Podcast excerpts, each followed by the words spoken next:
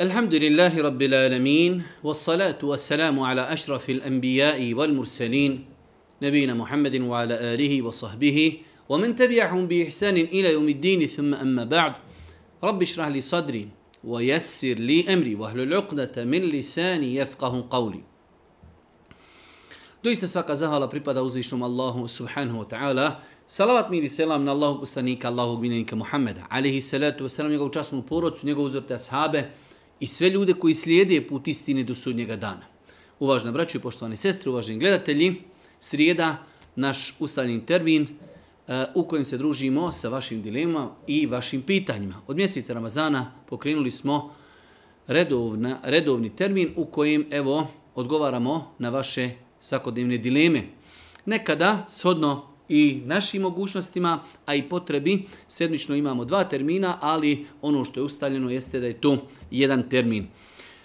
Napominjemo da ne možemo stići odgovoriti na sva pitanja, zato što imamo doista mnogo pitanja, a s druge strane isto tako postoje određena pitanja koja iziskuju i dosta informacija i mnogo više znanja, a isto tako jednostavno nekada su to doista kompleksna pitanja zbog e, faktora vremena i prostora u kojem se mi trenutno nalazimo i živimo. Večeras ako Bog da odgovaramo na neki 40 do 50 pitanja, sodno ako Bog da koliko mognemo odgovoriti za sahatak vremena. Prvo pitanje, da li se može učiti dova rabbena atina fi dunija umjesto kunu dovi u vitr namazu? I da li se može klanjati vitr samo jedan rekiat? Mi smo više puta govorili i pojašnjavali kako se klanja vitr namaz, pa smo kazali da postoji mogućnost da se vitr namaz klanja i bez dovi. Znači sama činjenica učenja dove u vitr namazu je sunnet. Pohvalna stvar, tako da ako bi insan i klanjao vitr namaz bez dove, njegov namaz je ispravan. Samim tim, bilo koja dova da se prouči ako Bog da je ispravno i validno, tako da učenje dove Rabbena atina fi dunija hasenatun u fil ahirati hasenatun naqina zabe nar na vitrama i tekako je, hajde kažemo, ispravna i nema u tome ništa sporno. Da li se vitr može klanjati jedan rekiat? Može. Postoji vjerodostojni hadis da Allahu poslanik ali se letu selam i odobrio i klanjao jedan rekiat e, vitr namaza tako da uz Allahu subhanahu wa taala pomoć osoba koja klanja jedan rekiat vitr namaza klanjači na način da znači donese početni tekbir uči početnu dovu euzu bismillah uči fatih uči suru nakon toga uči kunu dovu ako hoće prije rukua ili poslije rukua nakon toga odlazi znači kijam, seđda i nakon toga učenje tehijat, predavanje selama, tako da se e, vitr namaz može klanjati samo jedan rekiat. Imam pitanje u vezi crtanja. Kako Islam gleda na to? Da li je dozvoljeno neko sasvim obično crtanje neke osobe ili planine, rijeke ili nečega sličnog? Pitanje znači kako Islam gleda na slikanje. Kada je u pitanju slikanje, znači možemo podijeliti slikanje u dvije kategorije generalno. Gledajući slikanje nečega što ima dušu, da li su to ljudi, da li su to životinje, znači i nešto što je znači takozvana mrtva priroda, nešto što nema dušu, da li je to most, da li je to kamen, da li je to džamija, da li je to rijeka, da li je to e, nešto slično tome, tako da stvari koje imaju dušu, život, imaju dušu, kao što je čovjek, kao što je insan, kao što su životinje, takve stvari je zabranjeno slikati rukom, crtati, slikati rukom, dok za razliku od drugih stvari koje su mrtve prirode, od kuće, od džamije, od rijeke, od drveta, od voća, od povrća, sve te stvari se mogu slikati, odnosno crtati rukom.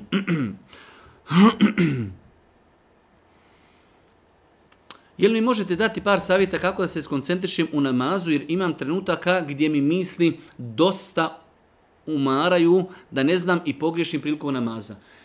E, generalno, naj, naj, ajde da kažem, učinkovitiji savjet kako povećati koncentraciju u namazu jeste sama spozna da stojimo pred uzvišenim Allahom.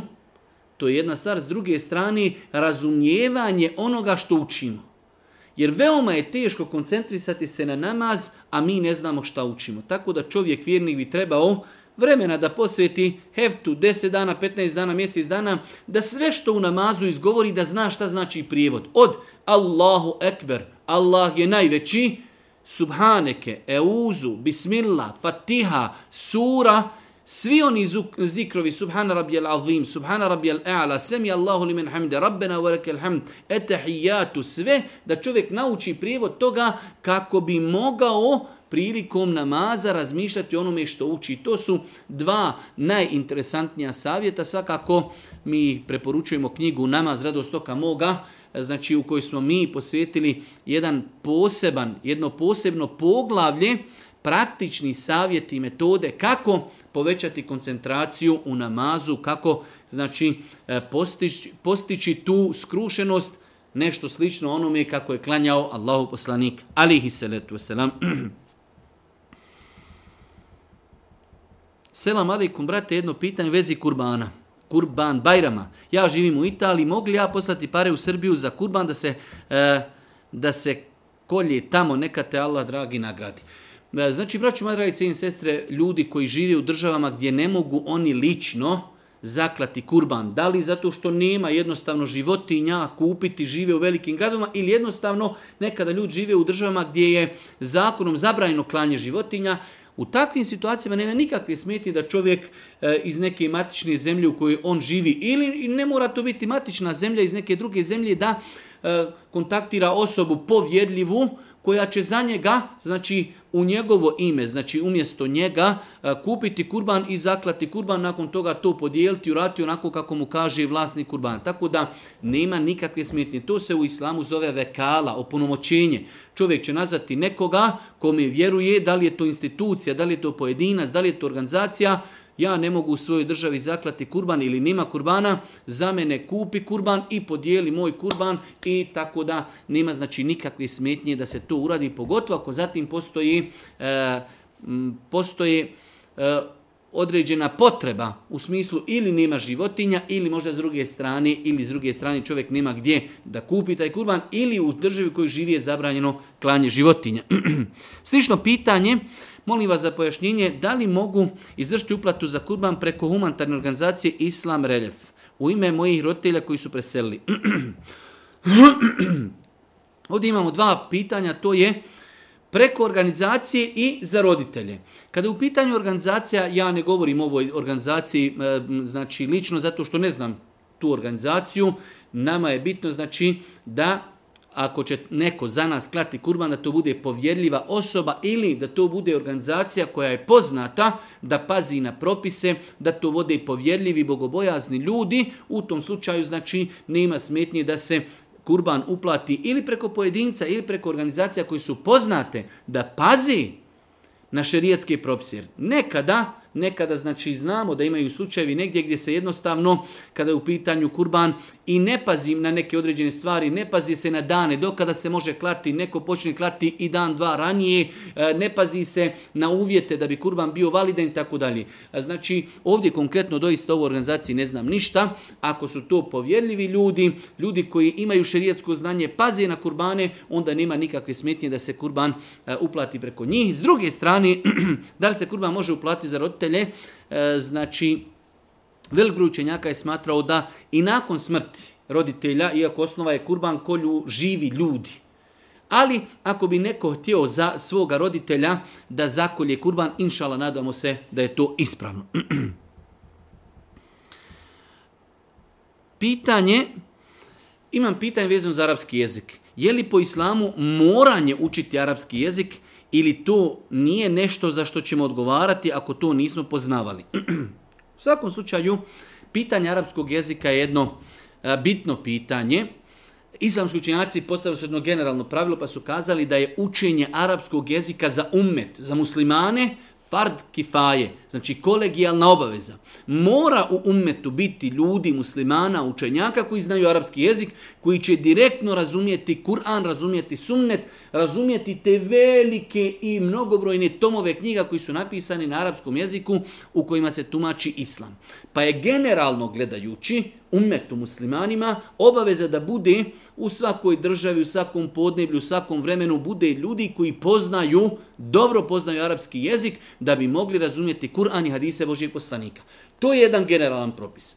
Nakon toga svaki musliman bi trebao prvo da stremi, da žudi ka tome da nauči arapski jezik jer je to jezik jezik Kur'ana, jezik sunneta. Mnogo je ljepše kada čovjek stane u namaz i zna ono što uči kada čita hadise, ne mora ih čitati na prijevodu, jer prevodioci se razlikuju. Jedan čovjek prevede ovako, drugi prevodi onako, jedan po značenju, jedan po komentaru i tako dalje. Neko prevodi bukvalno, za razliku kada insan zna arapski jezik, on direktno čita ono što je kazao Allah poslanik, alihi salatu wasalam. Ali ostaje opet da je neki minimum arapskog jezika ono što bi čovjek treba, što čovjeku treba da bi ibadete obavio. Pa konkretno najviše što je potrebno u arapskog jezika čovjeku za namaz. Jer se namaz ne može klanjati osim na arapskom jeziku, pa znači da čovjek razumije one stvari Allahu Ekber, prijevod dove subhaneke, prijevod fatihe, prijevod etahijatu, prijevod zikrova i tako dalje. To je taj neki minimum koji bi trebao da postigne vjernik musliman da razumije ono što čita i ono što uči. Hvala uzvišenom Allahu, klanjam već šest godina i trudim se da prakticiram sunnet. Ono što me muči je ružan govor koji ponekada izađe iz mojih usta, pogotovo kada sam na postu. Znači ovdje jedan, mislim da je ovo brat, e, traži savjet kako da se kontroliše neka kada je na poslu, iako je praktičar vjere i ljudi ga znaju kao muslimani, nekada mu izleti neka riječ koja je vulgarna ili neki vid psovki, pa se on poslije toga kaje, jer zna da to ne doliči vjerniku, pa pita za savjet kako i na koji način da prevaziđe tu stvar. U svakom slučaju, e, naše podneblje je podneblje u kojem doista čovjek veoma lako može čuti, vidjeti, naučiti e, različite vulgarne e, izreke i psovke. Tako da nije ovo ništa, da kažemo, E, novo, ni ovo ništa, da kažemo tolika neka bruka i sramota, jednostavno čovjek živi, s ljudima kontaktira, oni neprestano psuju, jednostavno njegov jezik vremenom počne da ponavlja takve stvari. Ono što bi vjernik trebao jeste, e, znači svakako, voljedine džahedu fina, oni koji se budu borili i trudili na našim putu, Treba truda, samo kontroli, treba samo obračuna, treba odgoja, treba strpljenja, Pa čak u datom momentu da čovjek zauzme znači, e, svoj jezik, zaokupira zikrom, učenjem Kur'ana, da pazi prije što izgovori, da ne dozvoli svom jeziku da rekne nešto prije nego što mu mozak dadne saglasnost da možeš to kazati. Jer jednostavno e, to i je stvjera da se čovjek kontroliše, da jezik ne pusti da priča onako kako hoće, već kontrolišemo svoj jezik, učenje Kur'ana, zikrullah, e, znači pa čak možda i neki vid kao neke kazne. U smislu, čovjek sam sebi kaže, eh, ako rekne vulgarnu riječ, hiljedu puta ću kazati alhamdulillah, hiljedu puta ću kazati estagfirullah ili salavat na Božijeg poslanika kao neki vid kao neki vid e, kazni, odgojne kazni, dok čovjek ako Bog da ne savlada i ne ostavi te loše navike. Svakako veoma je bitno čovjek zna da je jezik opasan organ, da meleki zapisuju ono što kaže, ljudi slušaju, pa je mnogo bitno da čovjek ima tu samo kontrolu, samo obračun, da svoj jezik okupira onim što je korisno i da svoj jezik kontroliši. Ne može čovjek dozvoliti da njegov jezik kaže nešto onako automatski. Mora čovjek kontrolisati svoj jezik. E, imamo jedno pitanje, prije nekoliko mjeseci smo kupili stariju kuću koju smo skoro cijelu srušili, pa novu na nju izgradili i tako dalje. Nakon toga kaže, prije tri dana smo počeli u toj novoj kući živjeti i noća su mi djeca se uplašila jer su čula vodu u kupatilu. Tačnije u hamamu koji sam ja koristio sat vremena ranije. Moje pitanje je šta da učim kako da zaštitim svoju porodcu. Braćo moje drage i cijene sestre, dosta puta mi određene pojave koje su u našoj kući, u našem društvu, prvo što nam pada na pamet jesu neki sihri, neki zavisti, neki i tako dalje, iako su to nekada možda znači stvari koje su standardne, klasične, normalne, nimaju nikakve veze sa sihrom. Pa ako su djeca čula u, u, u banji vodu, može se desiti nekada e, naučno, znači ajde da kažemo dokazano, da nekada voda sama iz česme malo poteče jednostavno zbog zraka u cijevima ili, ili neki drugi pojašnjenja. Tako da ne trebamo uvijek sve stvari odma apsolutno povezivati, e ovo je siher, ja našao dlaku, ja našao jaje, ja vidio, ja čuo, nešto sam... Ne treba se čovjek toliko tim stvarima povezivati opterećavati. Znači, prva stvar, moj savjet, ne treba se opterećavati, znači, e, svim, sve što vidimo i sve što čujemo, ali svakako da čovjek treba da zaštiti sebe i svoju porodcu i dovama, i zikrovima, i učenjem Kur'ana, čuvavanjem kuće, da u kući ne bude ono što je zabranjeno po islamu, da nema muzike, da nema slika živih bića, da nema kipova, da nema figurica. Znači, na taj način ćemo mi, ako Bog da, očistiti svoju kuću od onoga što sprečava ulazak meleka u kuću, klanjamo u svojoj kući, učimo Kur'an, Allah poslanik ali se ratu selam preporučuje e, da kuća u kojoj se uči sura El Bekara, da u nju ne ulaze džini i šeitani, učenje sure El Bekara, učenje jutarnjih zikra, večernji zikr, klanjaju se namazi, pa i proučiti ezam, proučiti kamet, znači na kompjuteru pustiti učenje Kur'ana, sve te stvari ako Bog da će biti razlogom berećeta, blagoslova i čuvanja naše kući. da li je kapica, nošenje kapice sunnet, jer neke daje kapice, je non stop nose, a neke ne. E, malo je ovaj brat nama i pojasnio pitanje da prvenstveno misli na namaz. U svakom slučaju, nošenje kape se vraća na običaj jednog naroda. Znači, ne postoje prvenstveno hadisi u kojima se naređuje da musliman mora pokriti glavu. Ne, ne postoje hadisi u kojima je naređeno da musliman pokriva glavu. E sada, od vremena Božih poslanika, ali i selatu vaselam, pa uh, E, znači, donedavno možemo kazati kroz historiju, jednostavno to je e, praksa muslimana, po različitim podnebljima. Vi sada kada pogledate od Malezije, od Indonezije, od arapskog svijeta, znači jednostavno e, velika većina muslimana ima praksu, ima običaj da nečim pokriva glavu. Nekada su to neke mahrame, nekada su to neke kapice, nekada su to fesovi, nekada su to, e, kod nas je bila praksa da se nosi francuska kapa, ali jednostavno, znači, e, historijska praksa muslimana je da nose nešto na glavi ali e, nije to nikakva obaveza, stvar je vezana za običaj jednog naroda. Jednostavno, u velikom broju država e, jedan vid je sramote ili nešto što ne doliči, pogotovo starim ljudima, pogotovo učenim ljudima, da idu gologlavi, znači da klanjaju namaz takvi. Tako da, to je ta neka zlatna, ako Bog da sredina, ne treba pretjerivati u tome. Imate ljudi kada vidi da neko klanja bez kape, ko da je počinio širk, što nije ispravno. Namaz bez kape je validan, ispravan, znači i nema nikakve sumnje u to. A isto tako, Znači, ipak ta, ta e, historijski, znači, taj običaj muslimana, da su muslimani pogotovo učeni ljudi, stari ljudi, hađije, znači, da su e, pokrivali svoju glavu, da li nekom kapom, da li nekom mahramom, da li, znači, na neki način, u svakom slučaju, insan ako to praktikuje, inšal neće pogriješiti, ali ako i ne praktikuje, nije, ako Bog da, griješan.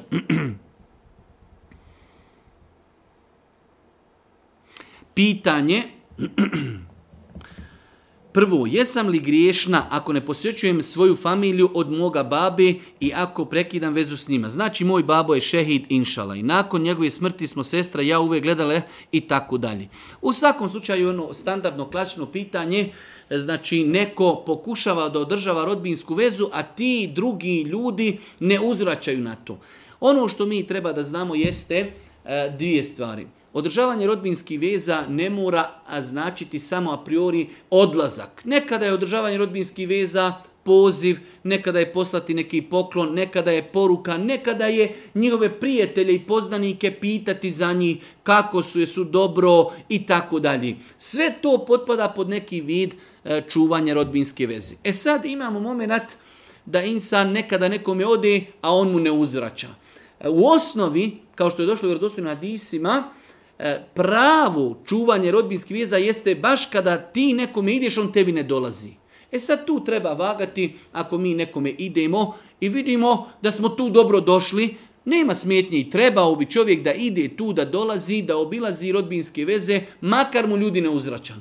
Ali ako ako se osjeća tu viškom, jednostavno ljudi ne žele da dolazi, pogotovo ako vide da neko praktikuje vjeru, žena nosi hijab, znači ako se tu osjeća strano, ako se tu osjeća uh, jednostavno da nije dobro došao, onda treba izvagati u svemu tome, znači ponekada otići, ponekada nazvati, poslati poruku, čestitati Bajram, poslati neki poklon, tako da e, prekinuti vezu totalno nije dobro. To prekinuti vezu rodbinsku, bez obzira što oni na nas, e, znači nama, ne čuvaju rodbinsku vezu s nama, mi trebamo čuvati s njima, e, totalno ne treba, ali čovjek tu treba vagati, znači, da iskoristi nekada situaciju, da ode, da progovori, da govori o vjeri, da govori o vrijednosti i bitnosti čuvanja rodbinskih veza, da pošalje neki poklon, da nekada nazove, da nekada pošalje poruku, to je pravo održavanje rodbinskih veza kako je došlo u hadisma Božih poslanika, alihi salatu selam.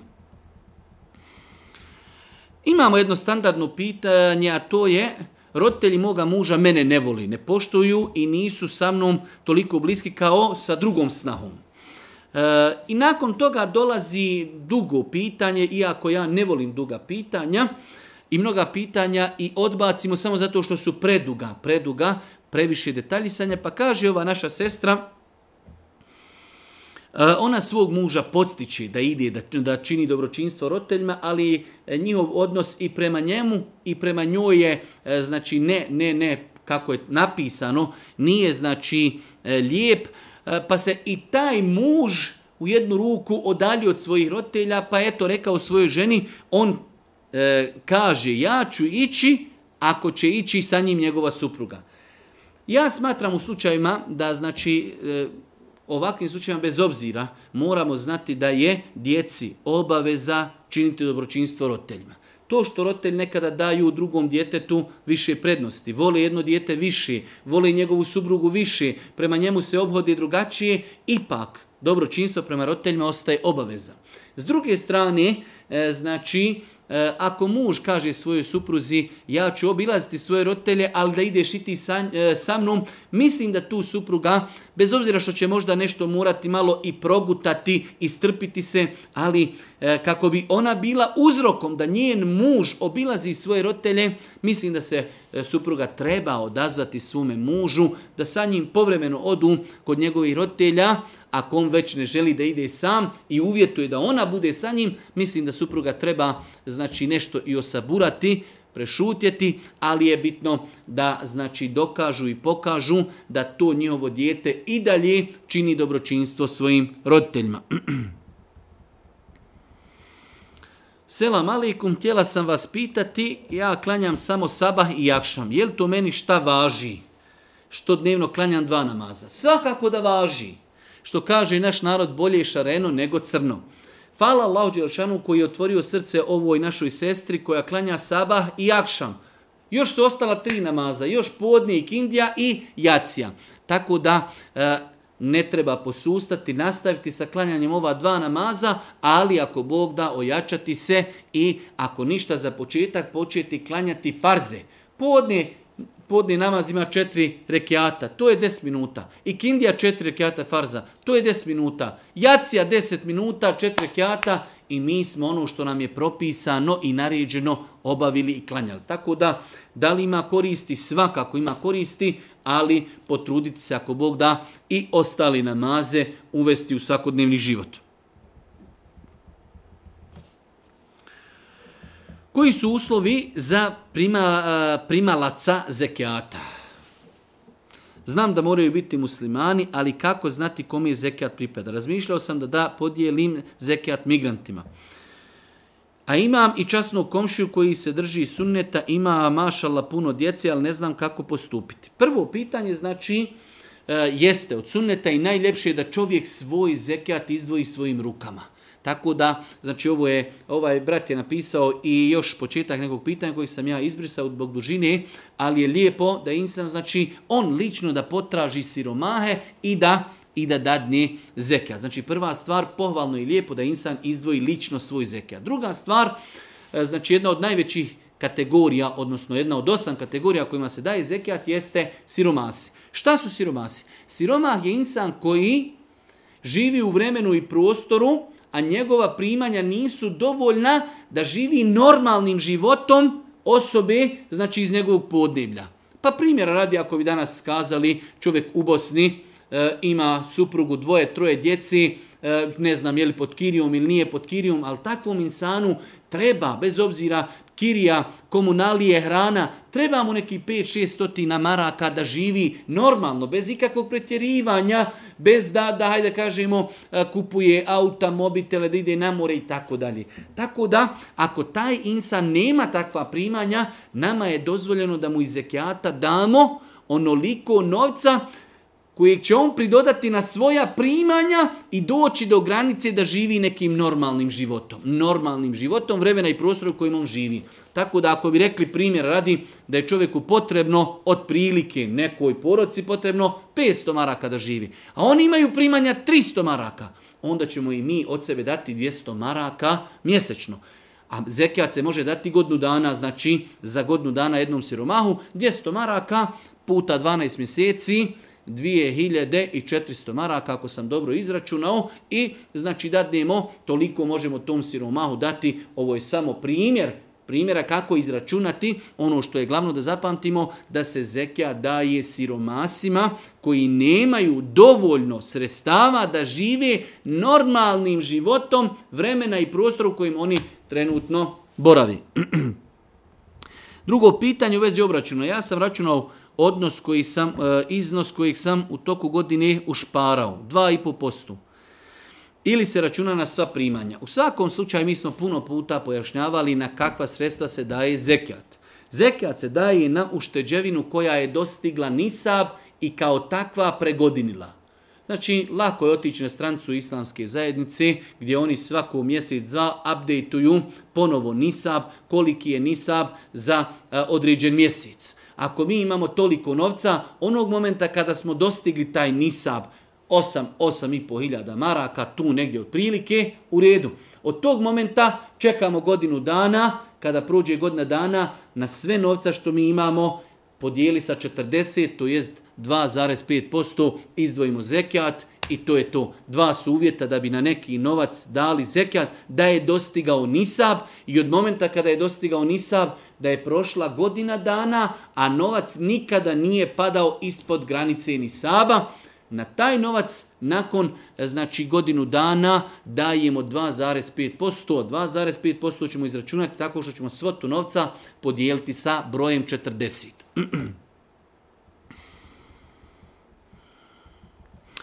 Jedno malo duže pitanje jedne naše sestre koja živi u Njemačkoj, ali je porijetkom iz Sanđaka, pa su joj kaže, prije koju godinu mi kaže rodbina da mogu dobijati dodatak i od države Srbije, iako dole ne živim, a prijavljena sam i dalje kao državljan Srbije. Znači, pitanje naše ove sestre, njena djeca dobivaju pomoć od države Njemačke ali su joj neki prijatelji rođaci kazali, pošto je državljanin Srbije, da može idole da dobiva, da dobiva e, dodatak ili neku pomoć, da dobiva dodatak za djecu. Da li je to ispravno uzimati u dvije države? Znači, e, čovjek treba da ode u e, instituciju koja dodjeljuje taj dodatak.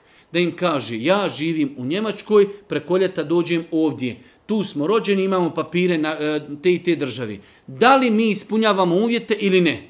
Ono što mu oni reknu, tako će raditi. Ako mu kažu, izvinite gospodine, ova primanja su samo za ljude koji stalno borave u nas u državi, onda on nema pravo. Ako kažu, nas to ne interesuje gdje vi živite, nas interesuje da ste vi naš državljan, znači pitanje kada država nešto dodjeljuje. Bez obzira smijemo to samo uzeti onog momenta kada ispunimo istinski, bez zapetljavanja i laganja, sve one uvjete koje država postavi. Pa ako imaju tamo neka porodiljska, ako imaju neka socijalne pomoći, ako ima ovo, ako ima ono, možemo to uzeti ako ispunjavamo uvjete. Tako da u ovom slučaju ova naša sestra treba da ode u e, znači instituciju koja to dodjeljuje, aplikacija i da ih pita. Otvoreno da kaže, mi živimo u Njemačkoj. Gore dobivamo e, dodatak na našu djecu. Periodično, preko ljeta dolazimo ovdje, tu smo rođeni i tu imamo kuću ili ne znam, nija imamo adresu, možemo li mi dobivati taj dječji dodatak? Ako kažu može, uzmi. Ako kažu ne može, ne ispunjavate uvjete, nemoj uzimati i Mirna Bosna. Pitanje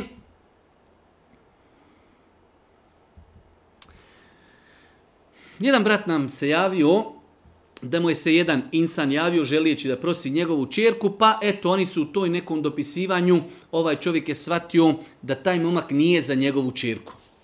Ja lično smatram da je ženitba i judaja mnogo ozbiljnije pitanje od toga da bi se čovjek s nekim dopisivao.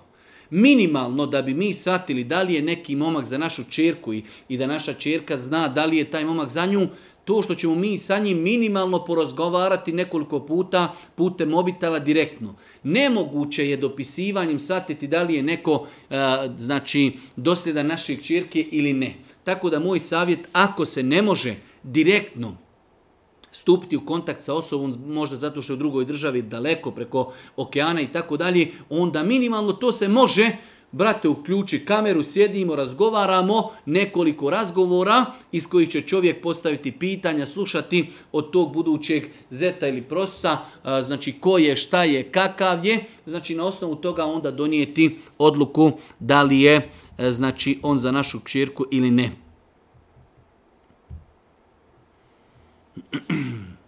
Osoba koja kolje kurban, kasap ili kako ga nazvati, može li da kolje kurban, a ne klanja pet dnevnih namaza? Svakako, dvije stvari. Prvo, najljepši je i najpotpunije da čovjek lično kolje svoj kurban. To je najljepša stvar.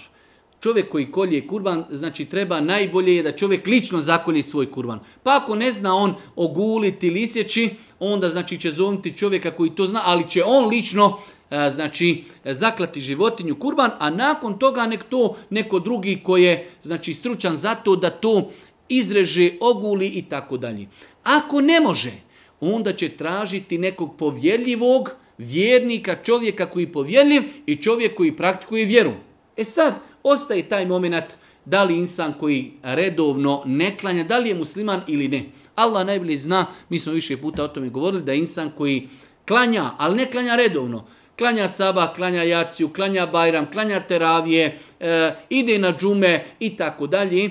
Ja sam kazao više puta da takav čovjek je inšala biznila u granicama Islama. Musliman je. Ta njegova djela koja radi potvrđuju da je musliman. Svakako namazi koji propušta, on je veliki griješnik. Ostaviti jedan namaz je jedan od najvećih grijeha u islamu. Tako da, Bolje ako insan može naći nekoga ko će zaklati kurban, ko je povjedljiv i neko ko praktikuje vjeru, ko klanja redovno, bez švakat. Ali ako ne može naći takvu osobu, ako kurban zakolje neko ko ne klanja redovno, ali klanja, deklariči se kao musliman, ide na džumu, ide na bajrame, ide na teravije, klanja saba, klanja akšam, klanja jaciju, ali eto, poneki namazi izostavi, inša Allah, klanje kurbana takve osobe je ispravno. Da li se zikr na seždi subhana rabijel e'ala mora izgovoriti neparno? Ne mora. Zikr na seždi je pohvalno i lijepo da bude neparan, ali ne mora se čovjek time opterećavati tako da čovjek zikriće. Nekada će to možda biti parno, nekada će biti neparno. Nije to uvjet da mora biti neparan broj. Jedan naš brat kaže, slušao je predavanje od Hafiz Adnana Dupljaka, gdje između ostalog spominje hadis ko klanja sabah namaz u džematu i ostane spominjati Allaha do izlaska sunca i tada klanja dva rekiata duha namaza, ima nagru kada da obavio hađ i umru. E sad, ovaj naš brat pita, e, pošto nije uspio stupiti u kontakt sa Hafizom, da li se to odnosi na osobu koja je klanjala sabah u džamiji, ali džamija se zaključava, pa je izišao, otišao je kući, sjedio je, zikrio je do izlaska sunca i klanjao. Allah najbolje zna, to se ne odnosi na taj događaj i na takvo ponašanje, jer je došlo u hadisima čovjek koji klanja i ostani na tom mjestu ili u toj džamiji.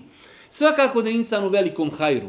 Znači insanu gdje ne može to ispuniti zato što se džamija zaključava, innemel e'malu bin nijat. Dijela se vjernu po namjerama. Allah zna namjeru tog insana da je mogao, on bi sjedio u džamiji. Ali pošto ne može, on sjedi kod svoje kuće, zikri, uči Kur'an, veliča Allaha, nakon toga kad iziđe sunce, klanja dva rekiata, E, ne možemo odgovorno reći imaće nagradu koja je spomenuta u hadisima. Ali ima nagradu, ogromnu nagradu. Sjedio je, učio je Kur'an, zikrio je, dovio je, klanio je dva rekiata. Sve su to dobra djela zbog kojih će on, ako Bog da, imati veliku nagradu. Ali kazati da će imati nagradu spomenuta u hadisu, e, znači Allah najbolji zna, ne može se to kazati. Ukoliko žena zarađuje, ima svoje prihode, da li je dužna da izdržava sebe i porodcu, muža i djecu, kuću i da li u tom slučaju sa muža spada obaveza izražavanja supruge. Osnova velika kojom se islam i ponosi jeste da je u islamu mužu obaveza da finansijski izdržava svoju porodcu. To je temelj. Da li žena radi ili ne, to nas ne interesuje. Osnova je da je muž taj kome je obaveza da izdržava i ženu i djecu i sebe. U slučaju da žena hoće da radi, muž ima po, prav, po, po mišljenju određenog broja učenjaka, pravda je kaže, vidi, i ti ćeš od svoje plate davati dio, znači za, za neke potrebe, jer ti dio vremena kojeg provodiš izvan kuće nedostaješ nam, ni nam kuhaš, ni peglaš, ni ne znam, nija, nedostaješ nam, pa da dio i ti novca dadiš. Tako da, ali da žena ako radi, mora izdržavati porodcu, ne, Znači, osnova je da muž izdržava porodicu.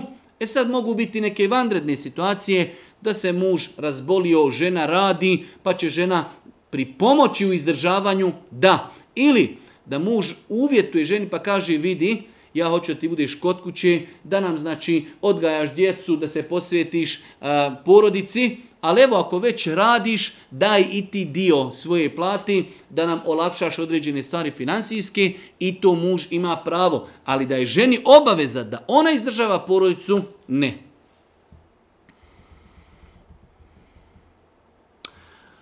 Već sam... Mm, već po samoj uda imam problem sa svekrvnim miješanjem u moj bračni život. Problem je u tome što On, muž, šuti na sve njene provokacije upućene meni. Kada ga pitam zašto ne reaguje, njegov odgovor je da se boji Allaha. Ja se tu osjećam poniženom i tako dalje. Koji je vaš savjet? Ja sam više puta govorio o tome da e, najveću grešku može napraviti u znači, regulisanju odnosa između snahe mlade i majke jeste muža on je autoritet i majci, ali autoritet i supruzi. Ako se on povuče, definitivno nije dvije neće, veoma teško će naći zajednički jezik. Ako prepusti njima da znači bez njega, što bi rekao, rješavaju probleme. Tako da, ako muž vidi da njegova majka pravi greške, Nije nepokornost roditeljima da ukaže svojim roditeljima na grešku, na lijep i blag način da kaže svojoj majci izvini majka, ali vidio sam stvarno se obhodiš prema mojoj supruzi onako kako ne bi trebalo. Da li bi ti voljela da se neko obhodi prema tvojoj čerci tako, e, rekla si joj to što nije dobro, nemoj, molim te i tako dalje. Znači, ukazati roditeljima da griješi u obhođenju prema nečijoj, znači, e, nečijem djetetu, u, u tom slučaju njegovoj supruzi, nije nepokornost. Tu se može više vraćati pitanje e, na ličnost čovjeka, da jednostavno možda odrastao kao takav e, da, da nema snagi da se suprostavi ili da kaže svojim roditeljima nešto. Ali to vezivati za bogobojaznost to je neispravno. Dobro, a gdje je bogobojaznost? Da odbranimo nečiju čast. Ta žena je dosta, došla iz tuđije kuće, živi u našoj kući i sada trebamo pustiti da je neko vrijeđa, da je neko potvara, da je maltletira. Gdje je tu bogobojaznost? Ako ćemo ganjati bogobojaznost, onda i ganjamo i prema majci, ali i prema supruzi. Tako da e, najbitnija e, osoba koja može na najbolji način regulisati relacije između majke i snahe jeste muž. Na njega se neće naljutiti ni majka, ni supruga. Ali ako on njih pusti, one se neće sigurno dogoditi. Tako da e, Allah najbolje zna, ovaj postupak je neispravan. Da čovjek kaže, e, ne želim da reagujem zato što se bojim Boga, dobro, treba da se boji Boga i prema ženi koju je doveo iz tuđe kuće u svoju kuću, dopustiti da neko nekoga maltretira, vrijeđa, e, je isto tako nešto gdje treba pokazati svoju bogobojaznost. Eh, imamo jedno pitanje koje malo dužije kaže imam pitanje vezano za hadise i familiju pa ako pročitate i tako dalje u mojoj familiji pogotovo stariji iako obavljaju namaz i drže se islama negiraju sve hadise i onda malo duži, eh, duže pojašnjenje znači eh, brat postavlja pitanje kako se opoti prema rodbini koja negira hadise kada im se kaže ne ne ne samo Kur'an ko zna ko je pisao hadise O ovoj temi smo mi nekada a, govorili detaljno i na internetu se može naći a, govor snimljen na YouTube-u. Odgovor a, sekti Kur'anije. Kur'anije. Znači, postoji sekta ljudi koji samo kao prihvataju Kur'an, ne prihvataju sunet Božih poslanika, ali se letu selam, što je čisti dalalet i zabluda. Znači, Zbog nekoliko stvari nemamo vremena, oni koji želi mogu detaljnije o tome poslušati video klip koliko sjećam desetak neke minuta i više gdje smo uh, detaljno odgovorili onima koji negiraju sunnet Božijeg poslanika alihi salatu wasalam. Allah Žešanu je poslao poslanika da praktično pojasni Kur'an. Kako klanjati namaz? Kogod vam kaže e, mi držimo se samo Kur'ana, ne držimo se sunneta, koje je to zapisano? Pitajte ih kako klanjate. Na osnovu čega ste naučili klanjati? Na osnovu čega ste naučili klanjati? Na osnovu čega ste naučili kako hađe obaviti? I tako dalje. Pa je znači nemoguće odvojiti Kur'an od sunneta. Sunnet Božijeg poslanika ali se letu selam je praktično pojašnjenje Kur'ana. Allah dželšanu kaže: "Vama atakumu rasulu fehuzuhu, vama nehakum anhu fentahu." Ono što vam kur, poslanik da, to uzmite. Ono što vam zabrani, to ostavite. Pa uzvišeni Allah naređuje o vjernici pokorite se Allahu i pokorite se poslaniku. Kako se pokoriti poslaniku osim pokoravanje njegovim hadisima koji su zapisani sa vjerodostojnim lancem prenosilaca? Isto tako znači koliko je kuranskih ajeta gdje uzvišeni Allah subhanu wa ta'ala naređuje pokornost poslaniku. Onaj ko je pokoran poslaniku, pokoran je i Allahu. Tako da doista je nemoguće razumjeti da se šetan toliko poigrao sa ljudima da ljudi negiraju sunnet Božije poslanika. Takvoj rodbini, takvim prijateljima, poznanicima treba ukazati da je to krupna, izuzetno opasna stvar. Negirati sunnet Božijeg poslanika, to je temelj. To je temelj vjeri Kur'an i sunnet Božijeg poslanika, alaihi salatu wasalam, upozoriti na opasnost takvog postupka, i pokušati im racionalno pojasniti dobro na osnovu čega vi klanjate, kako ste naučili koliko rekiata ima podni, koliko ima akšam, koliko je kindija i tako dalje, gdje ste naučili etehijatu, gdje ste naučili početni tegvir i tako dalje. Imam pitanje, u spavačoj sobi učim Kur'an na brašnom krevetu, svakodnevno, s tim što stavim jastuk na kauč. Zanima me da li je to grijeh, živim u kući koja je baš mala, tako da mi, da mi nemamo u sobi neki stolik gdje bi mogli da na njemu učimo Kur'an. Nema smetnje da insan na bračnom krevetu gdje znači spava, Ako nema drugo mjesto, tu sjedni lijepo, stavi jastuk na kojem će staviti znači mushaf i tako učiti Kur'an uz Allahu pomoć. Nije to nikakvo uh, uh, omalovažavanje i uh, e, ponižavanje Kur'ana, da čovjek znači na krevetu na kojem je spavao, sjedni na taj krevet, stavi jastuk i nakon toga na jastuk, jastuk na uzvišeno mjesto stavi Kur'an i tako ako Bog da uči Kur'an. Imamo jedno duže pitanje od naša, našeg jednog brata koji radi u rudniku. Pa, nažalost, on u rudniku radi i klanja, ali Allah Žešanhu dadni da dođu ljudi iz koji govori šeitani, umjesto kažu Allah te nagradio svaka čas, radiš u rudniku i klanjaš mašala, ne, ne, oni počnu i dođu, što klanjaš, nije ti ispravno, imaš prašine i tako dalje. Pa brat naš kaže, ja kada klanjam uzmem obično dvije daske, prostrim svoj radni prsluk i na tom je klanjam. Abdestim normalno, ali kaže na mojoj odjeći ima prašine od uglja, znoja, da li mi je namaz ispravan? Apsolutno ispravno i ispravno što se klanja u rudniku i klanjati na dvije daske i klanjati na radnom nekom prsluku i isto tako isto tako uzeti lijepo abdest prašina znači prašina je zemlja Allahu poslanik je dozvolio da se klanja na zemlji znoj nije nečist aspekta šerijata. Kada čovjek krene kući, on će se istuširati, ali neće dopustiti da prođe namansko vrijeme. Tako da je ovo zaista za svake pohvali. I znamo mi otprija ljude koji, elhamdulillah, svoj namaz redovno obavljaju i u rudniku. Tako da ovo je jedan poziv i onima koji ne klanju da vide da se može klanjati, a ovo u jednu ruku i odgovor šerijatski, znači kada smo na njivi, kada smo na građevini, kada smo u rudniku, ako na našoj košulji, našim hlačama ima betona, ima cementa, ima prašine, ništa to ne smeta, znači da abdestimo i da tako, ako Bog da, obavimo ono što nam je obaveza. Imamo pitanje, jedno duže pitanje, eh, koje mori jednog našeg brata koji je jednostavno E, u okolnostima da je odrastao, ali nije osunnečen.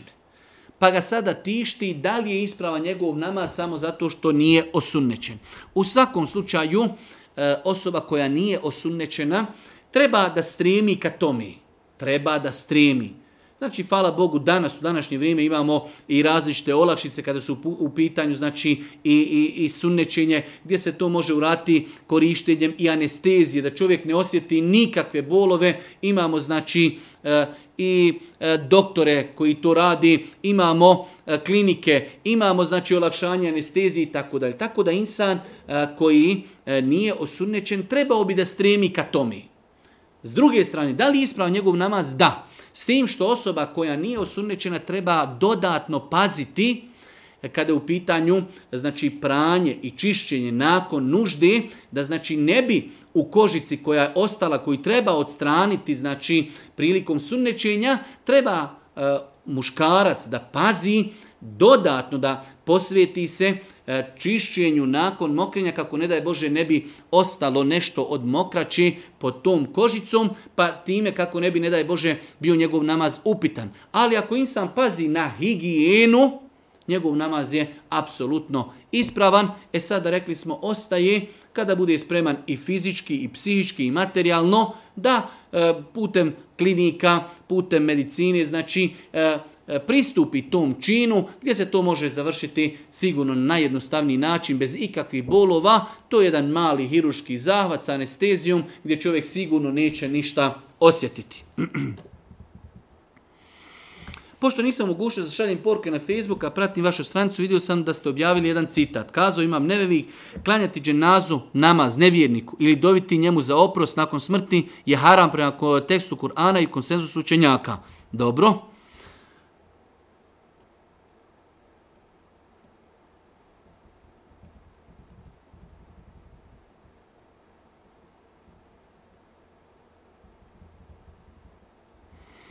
E, vjerovatno smo greškom izbrisali. Uglavnom pitanje ovog našeg brata kako da mi znamo ko je vjernik, a ko je nevjernik. Pošto imam Nevi Rahmetullah Alihi kaže klanjati džemat, dženazu namaz nevjerniku. Ovdje, braćo moja draga, se misli prvenstveno na osobe koje su se u toku svoga života deklarisale kao nemuslimani.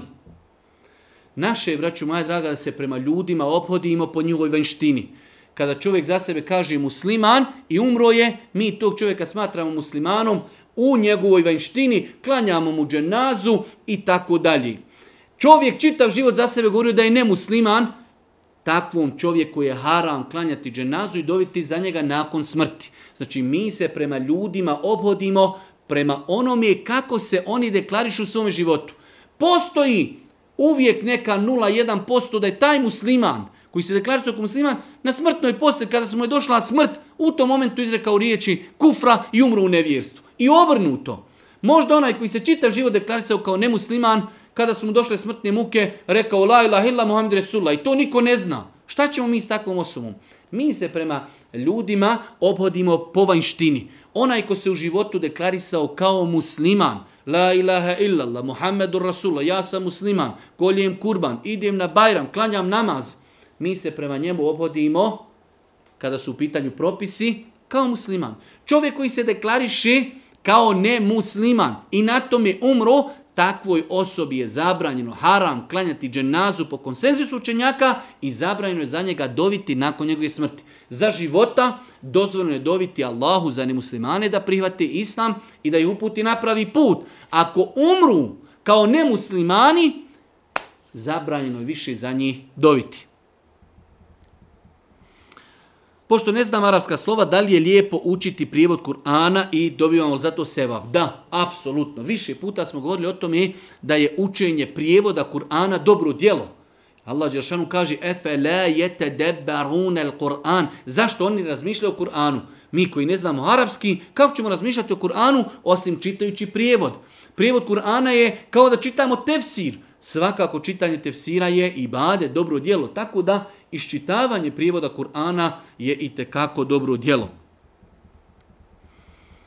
Imamo jedan jedno duže pitanje, čovjek kaže završio sam fakultet u Danskoj i već sam duže vremena e, tražio posao u struci, dobio je posao e, u gradu gdje se ne klanja džuma. Dobio je posao u gradu gdje se ne nema tu muslimana koji klanjaju džumu, a može na poslu obavljati namaze. Najbliža neka džamija je više udaljeno od 20 km. Šta u takvoj situaciji rad? Allah subhanahu wa ta'ala najbolje zna. Allah subhanahu wa ta'ala najbolje zna, znači insan ako živi u sredini u kojoj nema džumi, niko ne organizira džumu, njemu džuma više nije ni obaveza, jer imate jedno veliko pravilo u islamu, a to je da el faraid wal wajibat teskutu bil ajz. Ono što je obaveza, pada obaveza toga sa nas, ako mi nismo u mogućnosti da to izvršimo. Tako da u ovom slučaju čovjek radi i živi, klanja namaze, ali u tom mjestu gdje on živi i gdje on radi, nema džume namaza, tako on će mu insanu kazati da klanja namaze, petkom će klanjati podnije i inšala to je ono što on može da uradi. Pitanje, postoji brat koji se interesuje za mene, i tako dalje. Pa na kraju pitanja kaže, e, taj brat koji se interesuje za neku sestru, ona je saznala o tom bratu da sluša muziku. I ide na poročna svadbe gdje ima muzike. Kaže, znam stav islama prema muzici, pa je bilo moje pitanje, da li mi je dozvan da se udam za osobu koja sluša muziku? E, muzika jeste u islamu zabranjena. Ali ako je to jedan jedini problem kod tog insana, ja ne bi da to bude razlogom da se djevojka ne uda za insana koji samo od svih grijeha ima slušanje muzike. Svakako da treba prije braka i razgovarati, pa i o tom pitanju, iako je to možda sitno pitanje, ali treba razgovarati i pokušati tog insana uvjeriti da slušanje muzike ne nosi u sebi nikakvo dobro i da je to haram zabranjeno po mišljenju četiri mezeba, četiri pravne škole. Sve vrste muzičkih instrumenta po mišljenju četiri mezeba su zabranjena. U redu. Ali ako je to čovjek uh, E, pošten, vjernik, praktikuje vjeru, da li da to slušanje muzike bude razlogom, e, ja ne smatram da je to na nivou toga, bez obzira za koga god da se sutra ta djevojka uda, mora ta insan imati pri sebi neki mahana, veća je mahana gibetiti ljude, veći je grijeh gibetiti ljude i ogovarati nego slušati muziku. Pa se malo ko na to osvrči da li naš budući prosac e, ogovara ljude ili ne. Tako da treba E, ispravno pristupiti tim pitanjima, znači e, ako smo i kazali da je slušanje muzike grijeh, da li je to toliki grijeh da zbog njega se žena ne uda za tu osobu, ja govorim samo ovdje o tom pitanju. Treba da se insan podrobno, znači detaljno upozna sa osobom s kojom će stupiti u brak, ako je to jedini problem, ja ne vidim da bi to trebalo da bude razlogom da insan se ne uda za nekoga, jer za koga god da se uda, on će pri sebi imati neki svoj mahana i imat će svoji griha, a s druge strane, treba na lijep i lagahan način pokušati tog budućeg procesa ubijediti, ako već znači želimo da svoj život e, uskladimo po propisima islama, evo šta su islamski učenjaci kazali po tom pitanju. Jedno pitanje, malo čudno, ali i bitno i u smislu potrebno, mi se ponosimo što ljudi ovdje postavljaju nekada i smiješna i lagahna i, i, i teška pitanja, ali to nam ukazuje e, da različita populacija ljudi sluša naša predavanja i posjećuje naš profil. Duže jedno pitanje, nakon što je se ova naša sestra zahvalila na našem radu i svemu tome pitanje, kakav je vaš stav i da li vjerujete u postojanje vanzemaljaca? Dakle, biće sa kojima dijelimo vasion, obzirom da svaki dan postoji sve više i više dokaza da nismo sami u univerzimu i tako dalje. Dole na kraju postoji konstatacija da li je moguće su vanzemaljci zapravo džini. E, ovako, e, dvije stvari je veoma bitno da zapamtimo i ako Bog da, nećemo se dalje time opterećavati. Određeni kuranski ajeti mogu se svatiti na način da postoje mimo ljudi još neka druga bića u kosmosu. Određeni kuranski ajeti mogu se shvatiti. Nismo rekli, oni ukazuju, ali se tako mogu shvatiti da u kosmosu, univerzumu, postoji neka druga živa bića koja nastanjuju e, univerzum mimo nas. Mogu se tako shvatiti. To je jedna stvar, tako da islam nema jasan, znači e, Kur'an, ne postoje kur'anski ajeti koji jasno definišu da li imaju vanzemaljci ili ne, niti postoje hadisi Božih poslanika koji to govori da li postoje ili ne. Mi muslimani vjerujemo da postoje ljudi, postoje džini, postoje šetani, postaju meleki. To je ono što moramo svi vjerovati i to je potvrđeno jasnim dokazima. Da li postoji neka druga stvorenja, uh, rekao sam, neki kuranski ajeti mogli bi se razumjeti na način da u kosmosu, univerzumu postoje neka druga bića mimo nas, ljudi. Druga stvar, bez obzira bio neko ili ne, to ne ostavlja nikakve pravne posljedice na nas. To je najbitnija stvar. Ne treba čovjek da sad od toga napravi da je to tema bitnija od širka, od kufra, od dijela koja izvodi iz vjeri, od namaza. U većini slučajeva ljudi kada pristupe tom pitanju, cijeli život samo o tome čitaju i samo se tome posvijeti. Jedan dan čitati, jedan dan, dva, tri i nakon toga, eselamu alikum. Ne treba u to toliko ulagati truda. Ako ima, kad se dokaže, dobro jest. Ako i ne bude, to nas se plaho i ne tiče. Hoću da kažem da su to neka pitanja uh, od kojih nama ništa ne zavisi na život. Nastavljamo, nastavljamo živiti, trgujemo, ženimo se, školujemo se, klanjamo namaze, postimo, bilo van zemaljaca ili ne bilo, mi sa tim nemamo nikakvu neku uh, korist koja se vezuje za naš život u smislu islama i propisa. Tako da se čovjek time ne treba mnogo opterećavati, nek pusti nauci, nek nauka to istražuje i dokazuje. Rekli smo da u Kur'anu postoje neki ajeti koji bi se mogli e, znači tako shvatiti da u kosmosu univerzimu postoji neka bića mimo nas. Moja majka je preselila u martu ove godine. Da li joj možemo zaklati kurban sada u julu? Većinski dio učenjaka je smatrao da se može klati kurban za mrtvu osobu. Iako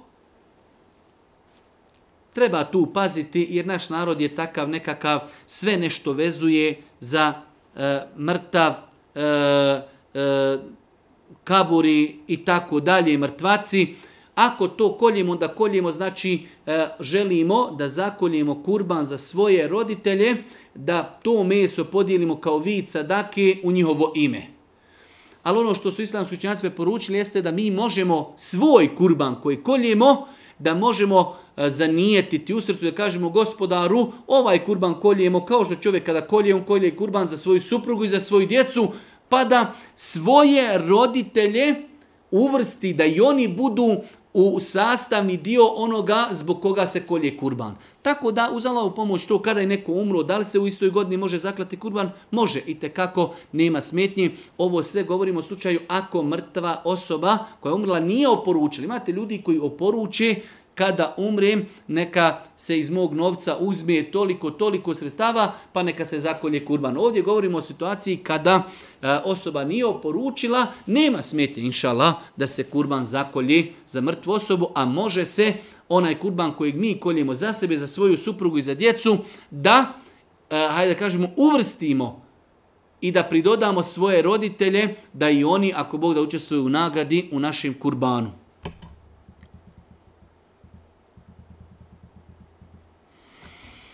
Esselamu alaikum, molim vas da mi riješite nedoumice vezano za učenje Jasina umrlom. U ovom slučaju, moj babo je preselio manje od mjesec dana. Ja mu svaki dan učim Jasin, ali kažu neke žene, kažu neke žene, da treba predati hatmu nakon 40 dana, a ja pojmam nemam ni kako, ni da li treba, pa vas molim da mi pomognete. Mnogo toga mi mogli ovdje kazati. Prva stvar, trebamo se učiti da se vjera ne uči od svakoga rekle neke žene. Te žene treba da nam spomenu dokaz i treba da nam kažu gdje su to naučili.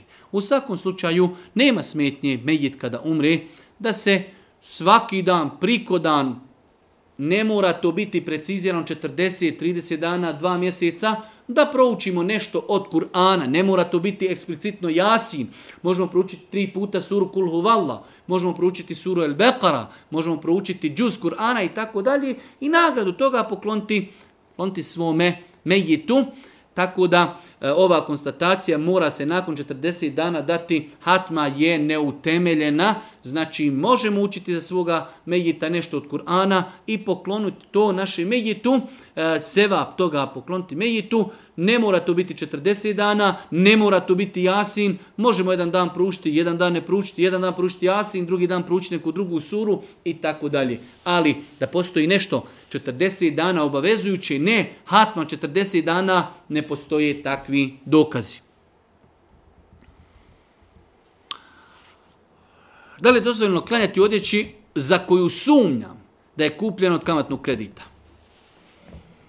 Prva stvar, insan treba da se čuva ti neki takozvani sumnje, nešto sumljivo, sumljivo, uvijek nešto sumljivo. Odjeća, obuci, klanja i završena stvar. Ali kada bi rekli određena odjeća je kupljena, na neispravan način, opet mi smo tu odjeću obukli da bi u njoj klanjali, da bi pokrili svoje avrete u namazu, tako namaz ko namaz je validan kada bi bili sigurni da je određena odjeća kupljena na haram način, naš namaz je ispravan. Sada ostaje da čovjek ako sazna da je nešto sigurno kupljeno na haram način, da to treba izbjegavati.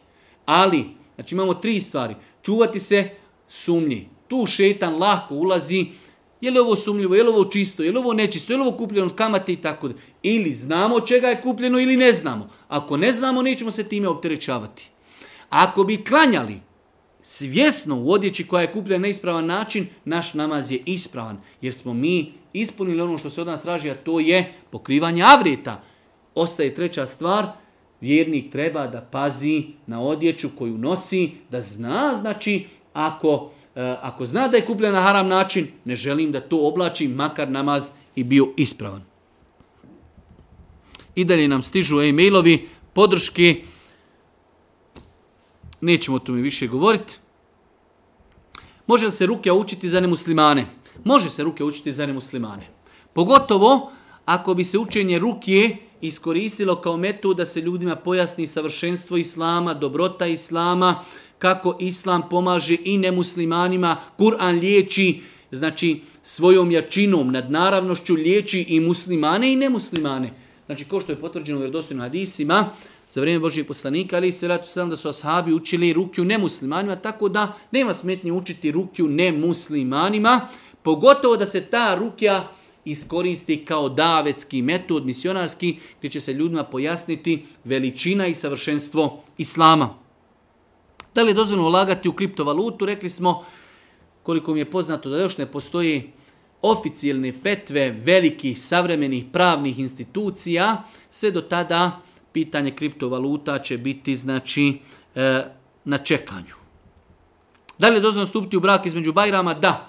Svakako se uvijek misli između Bajrama na ovaj kraći period, dva i pol mjeseca. Znači, generalno uvijek između dva bajrama, pošto imamo dva bajrama, pa je uvijek između dva bajrama, ali kada ljudi kažu pokuđeno je stupiti u brak između dva bajrama, misli se, znači kada završimo Ramazan, pa imamo dva mjeseca i deset dana do narednog bajrama, u tom periodu može li se stupiti u brak i te kako nema nikakve smetnje da čovjek stupi u tom periodu u brak. pošto radim teške fiške poslove i rano ustajem na posao, koliko mogu najranije da klanjam jaciju nakon akšama? Ako čovjek živi u nekim uvjetima i državama gdje sunce ima normalan izlazak i zalazak, ovo konkretno mislimo samo ako ne živi gore negdje u Skandinaviji, ako živi u Bosni, u Crnoj gori, ako živi u Srbiji, ono što je dovoljno, znači nakon akšama jeste sahat i po. Znači jacija inšala koja se klanja sahat i po u ljetnom periodu nakon akšama je ispravna. To je kod nas u Bosni nešto poznato kao travnička jacija, imamo, rekli smo, znači nekoliko odgovora E, uvaženog doktora e, Fetva Emina e, Ljevakovića koji je kazao da je travnička jacija validna i ispravna koja se klanja sahat i po nakon akšama.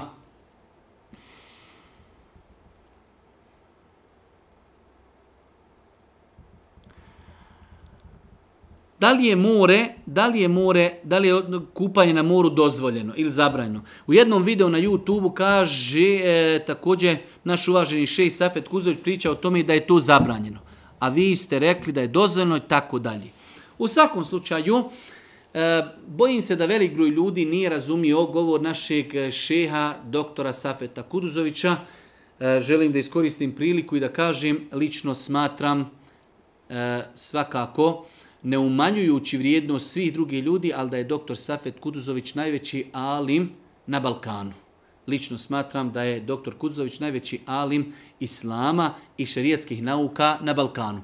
E, ne bi doličilo njemu da on nešto kaže, e, nešto što je toliko očita stvar, Ali velik broj ljudi nije shvatio govor Šija Safeta gdje je on to povezivao da čovjek ode kupati se na more, e, na plaži gdje su izmješani muškarci, žene, žene su razgoličeni i tako dalje. Ali upitati doktora Safeta da li čovjek može da odi, da se kupa na more kao pojava mora, ali ja se kupam sam sa svojom suprugom i djecom ili bez supruge i djeci, ne postoji e, teoretska mogućnost da će doktor Safet kazati da je odlazak na more zabranjen.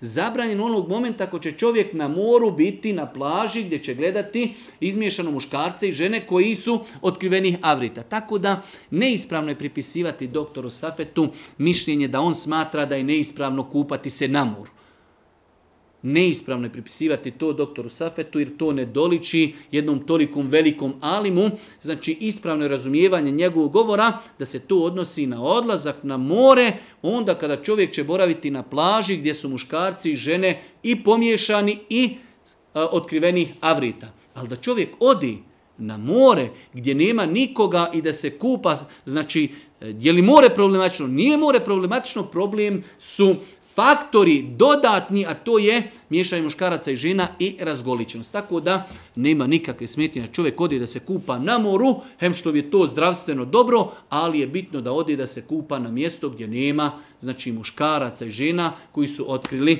avrete.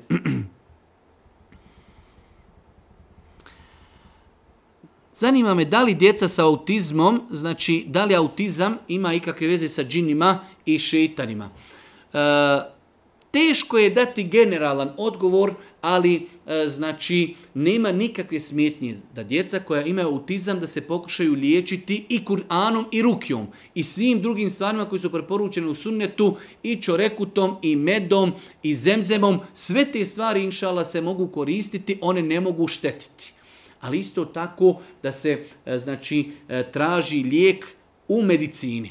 Tako da e, kategorički tvrditi da li ima, da, može biti jedan od načina kako se manifestuje sihr ili urok ili e, neka crna magija, može biti autizam. Ali ne možemo kategorički tvrditi da svaki autizam je plod toga.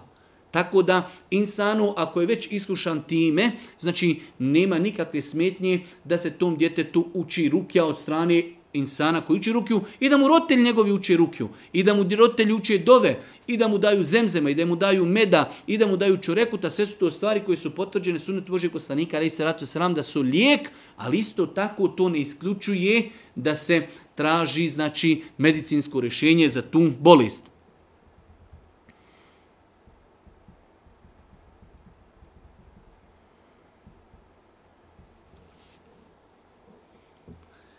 E, dva posljednja pitanja. E, pratim te i pričao se o skraćivanju kose muškaraca. Kako je pravilo za žene? E, znači, kad su u pitanju šišanje, skraćivanje kose za muškarce i žene. Kad su u pitanju muškarci, rekli smo da muškarci mogu obrijati glavu i mogu se ošišati, ali je bitno samo da jedan dio kose, e, jedan dio glave ne obriju, a jedan dio ostavi. Ili će obrijati svu glavu, ili će se ošišati, znači na neku, da neknemo normalnu frizuru, gdje neće biti jedan dio glave obrijan, a jedan dio ostavljen.